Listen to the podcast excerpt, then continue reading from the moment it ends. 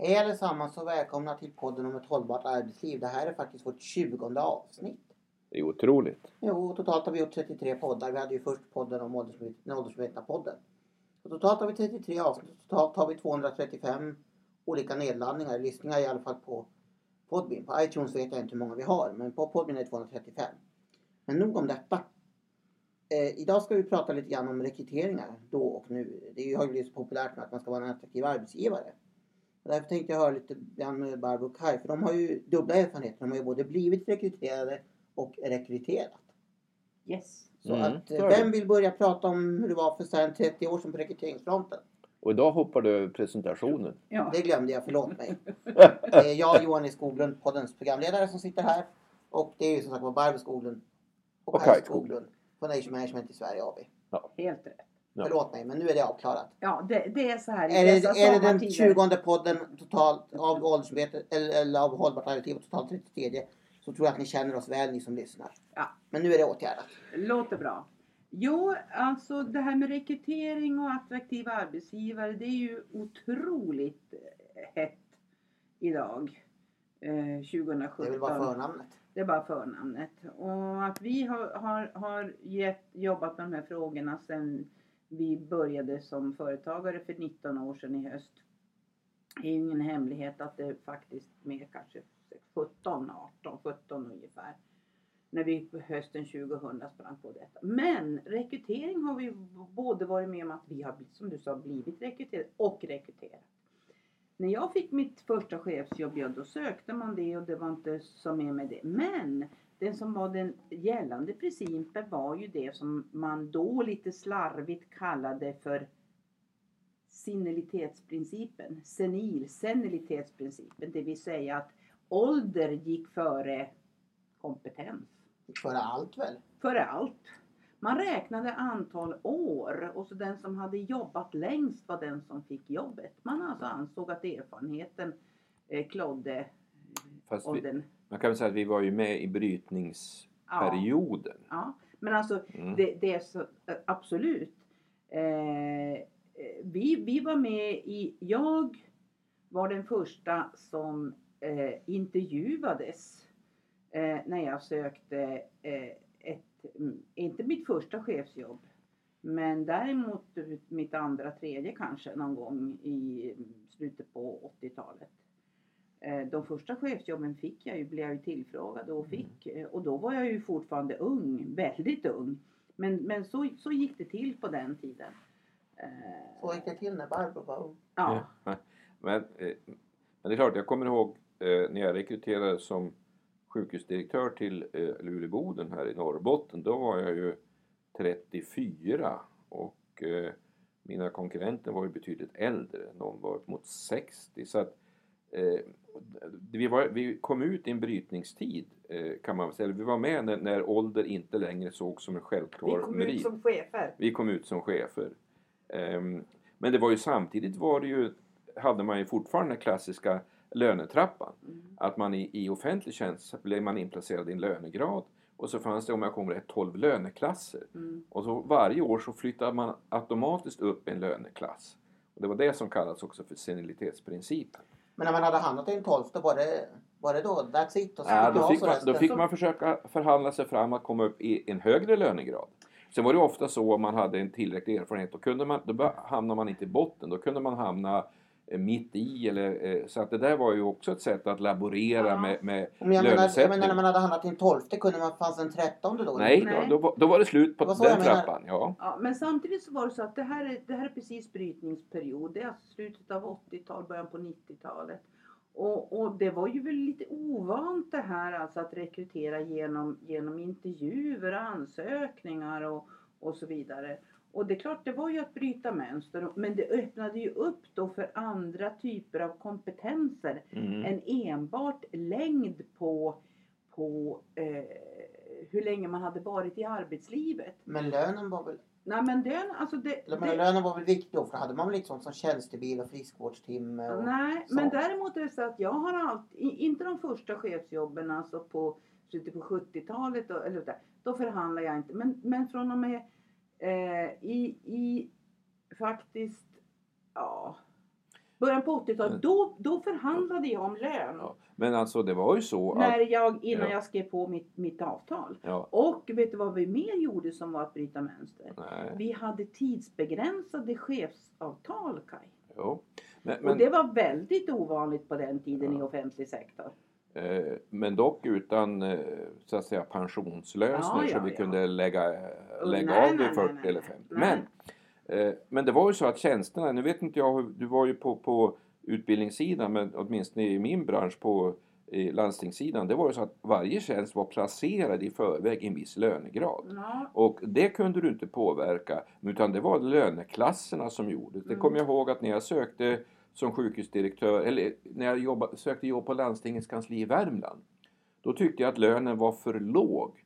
Eh, Men det var då jag fick klart, nej men du vi kan placera dig i en högre löneklass. Och då Mm. Så blev var- det intressant. Men det var nog sta, mer statligt. Alltså ja, det här var landstinget Ja. det, men Alltså på, på min tid så var ju lärarna statligt. Det, nu pratar vi 90-tal när man kommunaliserades. Då var det ju definitivt lönetrappa på Mm. lärarsidan. Ja.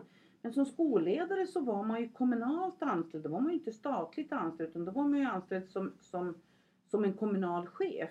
Och Ja. där fanns det ju naturligtvis löneklasser. Men det här bröts. Alltså jag, jag har förhandlat om, Ja. om lön med Men jag ville ta upp en annan fråga in, innan vi bara, alltså eftersom po- podden rullar på. Hur det här med att, att rekrytera, att, att även när man rekryterar medarbetare. Jag bröt mönster som skolledare. Framförallt när jag var på vuxenutbildningen, den kommunala vuxenutbildningen.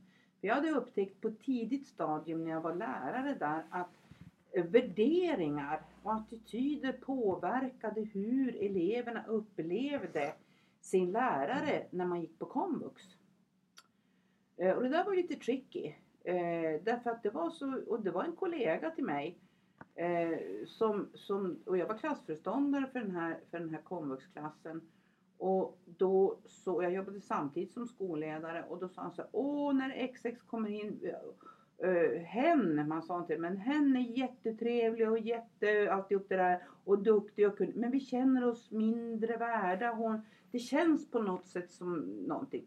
Och det kom underfund med att hon tyckte egentligen inte att eh, komvux var någon bra eh, form för, för vuxna. Man skulle ha gjort det där när man gick på gymnasiet. det var liksom ingen eh, bra ingång. Nej, alltså och man det var ju, själv. Ja, Man skulle inte få en ungefär. Annars, annars, man skulle inte få en andra chans. Och det här gjorde ju naturligtvis att hon inte var lämplig. Det var en hon. Eh, det här har jag upplevt även, eh, och det där tog jag med mig. Och det innebar att, att jag intervjuade, när jag räckte, vad har du för värdegrund? Ställde jag frågor till lärare som sökte till komvux. De tittade på mig, fågelholk-uttrycket fanns inte då, men de, som jag kom från en främmande värld. Vad menar du med det? Jag menar precis det jag säger. Vad, vad har du för värdegrund när det gäller att vuxna går Mm. i, i, i utbildning? Och så förde vi ett resonemang kring det där. Eh, och det är så att jag har omplacerat lärare som inte hade den värdegrund som jag tyckte var rätt. Det vill säga precis det du säger, att man ska få en andra chans. Eh, ja, Du Men jag, jag, jo, jag skulle vilja gå tillbaks lite grann. Eh, Vi kom ju ut eh, i arbetslivet eh, en bit in på 70-talet och då hörde till saken, för Johan du ställde frågan attraktiva arbetsgivare. Då var det ju faktiskt så att det var en ganska stor akademikerarbetslöshet. mycket stor. Mycket Så, att, riktigt. så det betydde att, att det handlade om att få in en fot någonstans. Och det handlade inte om att, det är klart att det fanns eh, arbetsgivare som är mer attraktiva än andra som det finns idag också. Men Gjorde man inte det, de här undersökningarna? men- Vad vill studenterna helst jobba efter? Nej, det kommer jag inte ihåg. Men, men det var ingen tvekan om att där, är- här, det var arbetsgivarens marknad när man rekryterade bland annat akademiker. För det, det var många som stod i kön och klappade på porten då. Så där har vi sett en förändring. Men sen det här med rekrytering, när jag har funderat på det här, så slår det mig att man har inte gjort så många rekryteringar under sitt arbetsliv. Det är klart att man har anställt en del medarbetare. Men totalt sett är det inga stora mängder man har Och det anställt. var för att ni var chefer på en sån Ja, nivå det var, eller varför? Nej, det var väl det att, eh, att det var inte den omsättningen helt enkelt. På, oftast var det ju eh, underlydande så att säga, chefer man rekryterade. Ja precis och där har man ju då och, och det, man, man, exakt man rekryterar. Jag har varit med också. De, de flesta rekryteringar jag har gjort det är faktiskt chefer som har varit eh, under den, den chefsnivå där jag själv har, har varit aktiv. Eh, men det är också så förmodligen därför att det här var dessutom i min bransch, alltså utbildningsbranschen. Där gjorde man ett, ett, ett avtalssystem på mitten av, av eh, man räknade kommunpoäng på, på lärare. Mm, mm. Och det innebar att man, man fick fler po- kommunpoäng i sin egen kommun än om man jobbade i en annan. Vilket gjorde att lärare blev på något sätt inlåsta Ja, i sin egen det. kommun. Dessutom så fanns det ett, ett Så det här man hör om idag om att lärarna kan konkurrera och om jag inte får mer lön så flyttar jag till andra grannkommunen. Det fanns inte då alltså. att beroende på just det här med akademikerarbetslösheten och du hamnade sist i kommun och du fick inte ta med dig Nej, nej. dina kommunprogram från kommun X till kommun Y. Ah, jag förstår. Och det här, och det här ju, hade ju naturligtvis arbetsgivarsidan gjort därför att, att jag, var, jag var fackligt aktiv på den tiden när det här kom, så ni är inte kloka. Då hade vi flyttat från Uppsala till Karlstad. Och jag hade fått jobb som lärare av, av helt egen maskin, vilket ju var väldigt, väldigt Mm, ovanligt apropå akademikerarbetslöshet. Då var det en utflyttning. Staten hade beslutat Mm, att vissa mm. statliga verk skulle flytta till Karlstad. Och det var det som gjorde att vi flyttade dit därför att du flyttade dit. Mm. Eh, och då hade man dessutom förhandlat om att medföljande skulle få förtur på vissa, på vissa typer av jobb, bland annat i Karlstad kommun. Och det var inte bara lärare, det var andra som jobbade inom kommunal sektor. Vad tyckte de andra arbetssökande Ja, om det du kan ju tänka dig över det. Jag hade Snacka om alltså dålig ko- arbetsmiljö. ja, hade kollegor som då hade gått förbi det, det, det, det så att säga de som var på tur i kommunen för det. Och jag hade då, det fick man påpeka tätt som ofta att jag har faktiskt fått det, den här, nu började jag som skolledare väldigt tidigt där men, Mm. men, men det första lärarjobbet jag hade när jag hade varit på, som speciallärare på obsklasser på högstadiet det, fick, det kanske inte var så attraktivt, det var väl därför jag fick det på egen maskin. Men jag vill gärna, alltså om man ser till rekryteringsprocessen idag så, så går det ju väldigt annorlunda till. Och jag, åter, jag återigen återvänder jag till 1984 där jag rekryterades som sjukhusdirektör i Luleåboden. Det var ju ändå en ganska stor, eh, det var en budget på en miljard och några tusen anställda. Då skickar man in ansökningshandlingarna, sen blev man kallad till intervju. Var det någon headhuntingfirma då? Nej, det var det som var bland annat jag tänkte komma till. Det, det gick till så här, man skickade in handlingar. Man, man blev kallad till intervju. Jag var uppe, det gick på en timme träffade jag fackliga företrädare i Luleå. Den andra eh, timmen träffade jag en ledande politiker och det som sen kom att bli min för, som var min företrädare. På två timmar var intervjun över, sen åkte man hem och sen togs det naturligtvis referenser och sånt där i bakgrunden. Och, där, och sen fick man besked, du, du, du får jobbet. Mm. Så gick det till. Så gick det till ja. Ja, Jag har samma erfarenhet. ja. Eh, fast jag träffade också, jag träffade politiker. Ja, det gjorde jag också, men Ja. bara en. Och en Ja. timme alltså. Och, och, eh, och, och fack. Och då var det heller inga anlagstest som är så populärt att man ska göra test och se om man är begåvad eller vilken typ av personlighet man har eller så. Nej. Nej, det förekom inte. Det, det är en senare företeelse. De, de, den typen av tester har jag gått igenom när jag har eh, gjort kvalificerade chefsutbildningar. Eh, faktiskt en som pågick ett år bland annat det här och du har också gjort den här typen Ja. men inte vi, vi, Inte i det inte i det så det var som inte, nu har ju det här blivit väldigt poppis och man gör, man gör det via webben och så vidare. Och Ja. Men- ni har haft adepter men- som har gjort det. Men jag kom bara på till sist, alltså det här erfarenheten av att rekrytera. Och då kommer jag att tänka på både lycka, jag har exempel från egen fatabur då, både, jag tänker på en specifik rekrytering som blev väldigt bra med ett gott utfall. Eh, och det gjorde vi ett ordentligt jobb Eh, gemensamt med några personer inklusive facken med referenstagning, intervjuer och så vidare. Det har föll ut väldigt bra. Men sen har jag gjort en annan rekrytering som inte alls föll ut bra. Och där hade jag, det var intressant för jag hade två personer att välja mellan.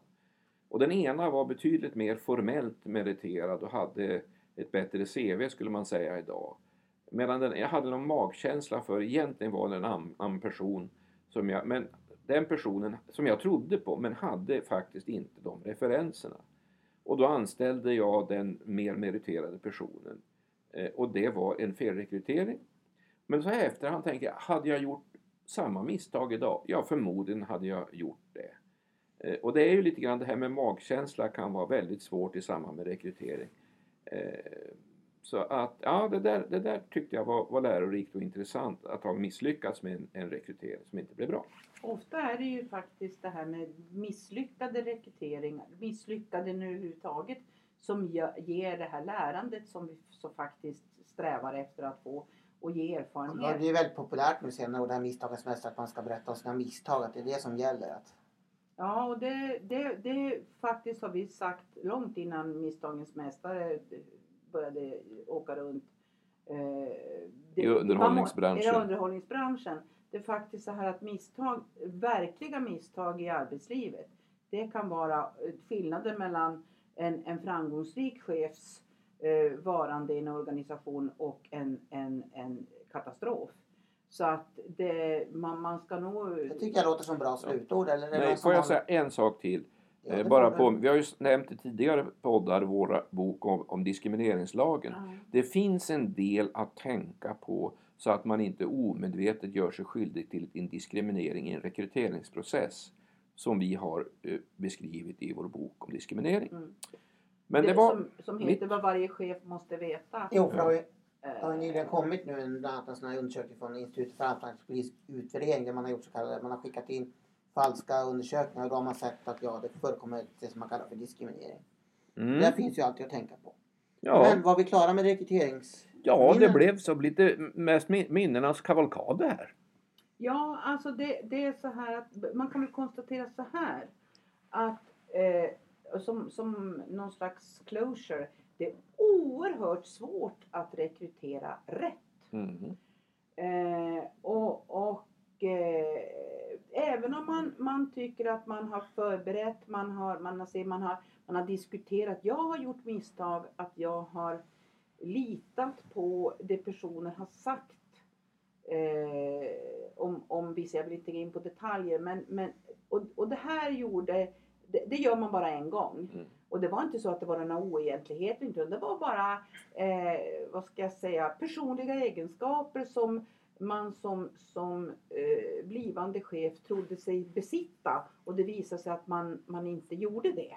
Nej. När det krisade till sig. Och det, det är, Och det är sådana här saker som, och det tror inte jag att man kan se va- vare sig intuitivt eller eh, inom, inom tester därför Nej. att det är så situationsbundet.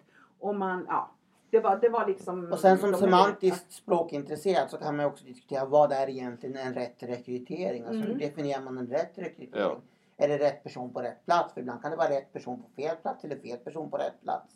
Ja. Ja, ofta Ja. så utgår man från att det ska vara rätt person på rätt plats och att utföra rätt uppdrag. Drag får vi Typ. hoppas. Ja, får vi hoppas. Men om alla här, våra två experter, känner att de är färdiga med rekrytering för idag. Ja, ja, nu vill vi gå på semester Så snart. tycker jag vi ska ta och önska alla våra poddlyssnare en glad sommar och så säger vi att vi återkommer till hösten. Vi har redan en del idéer på kommande poddar men vi har inget, absolut. inget bestämt än exakt vad nästa podd ska handla om. Det blir först om några månader. Så att, men ni har ju 33 poddar att lyssna på så ni, kan, ni lär inte vara svältfödda under sommaren.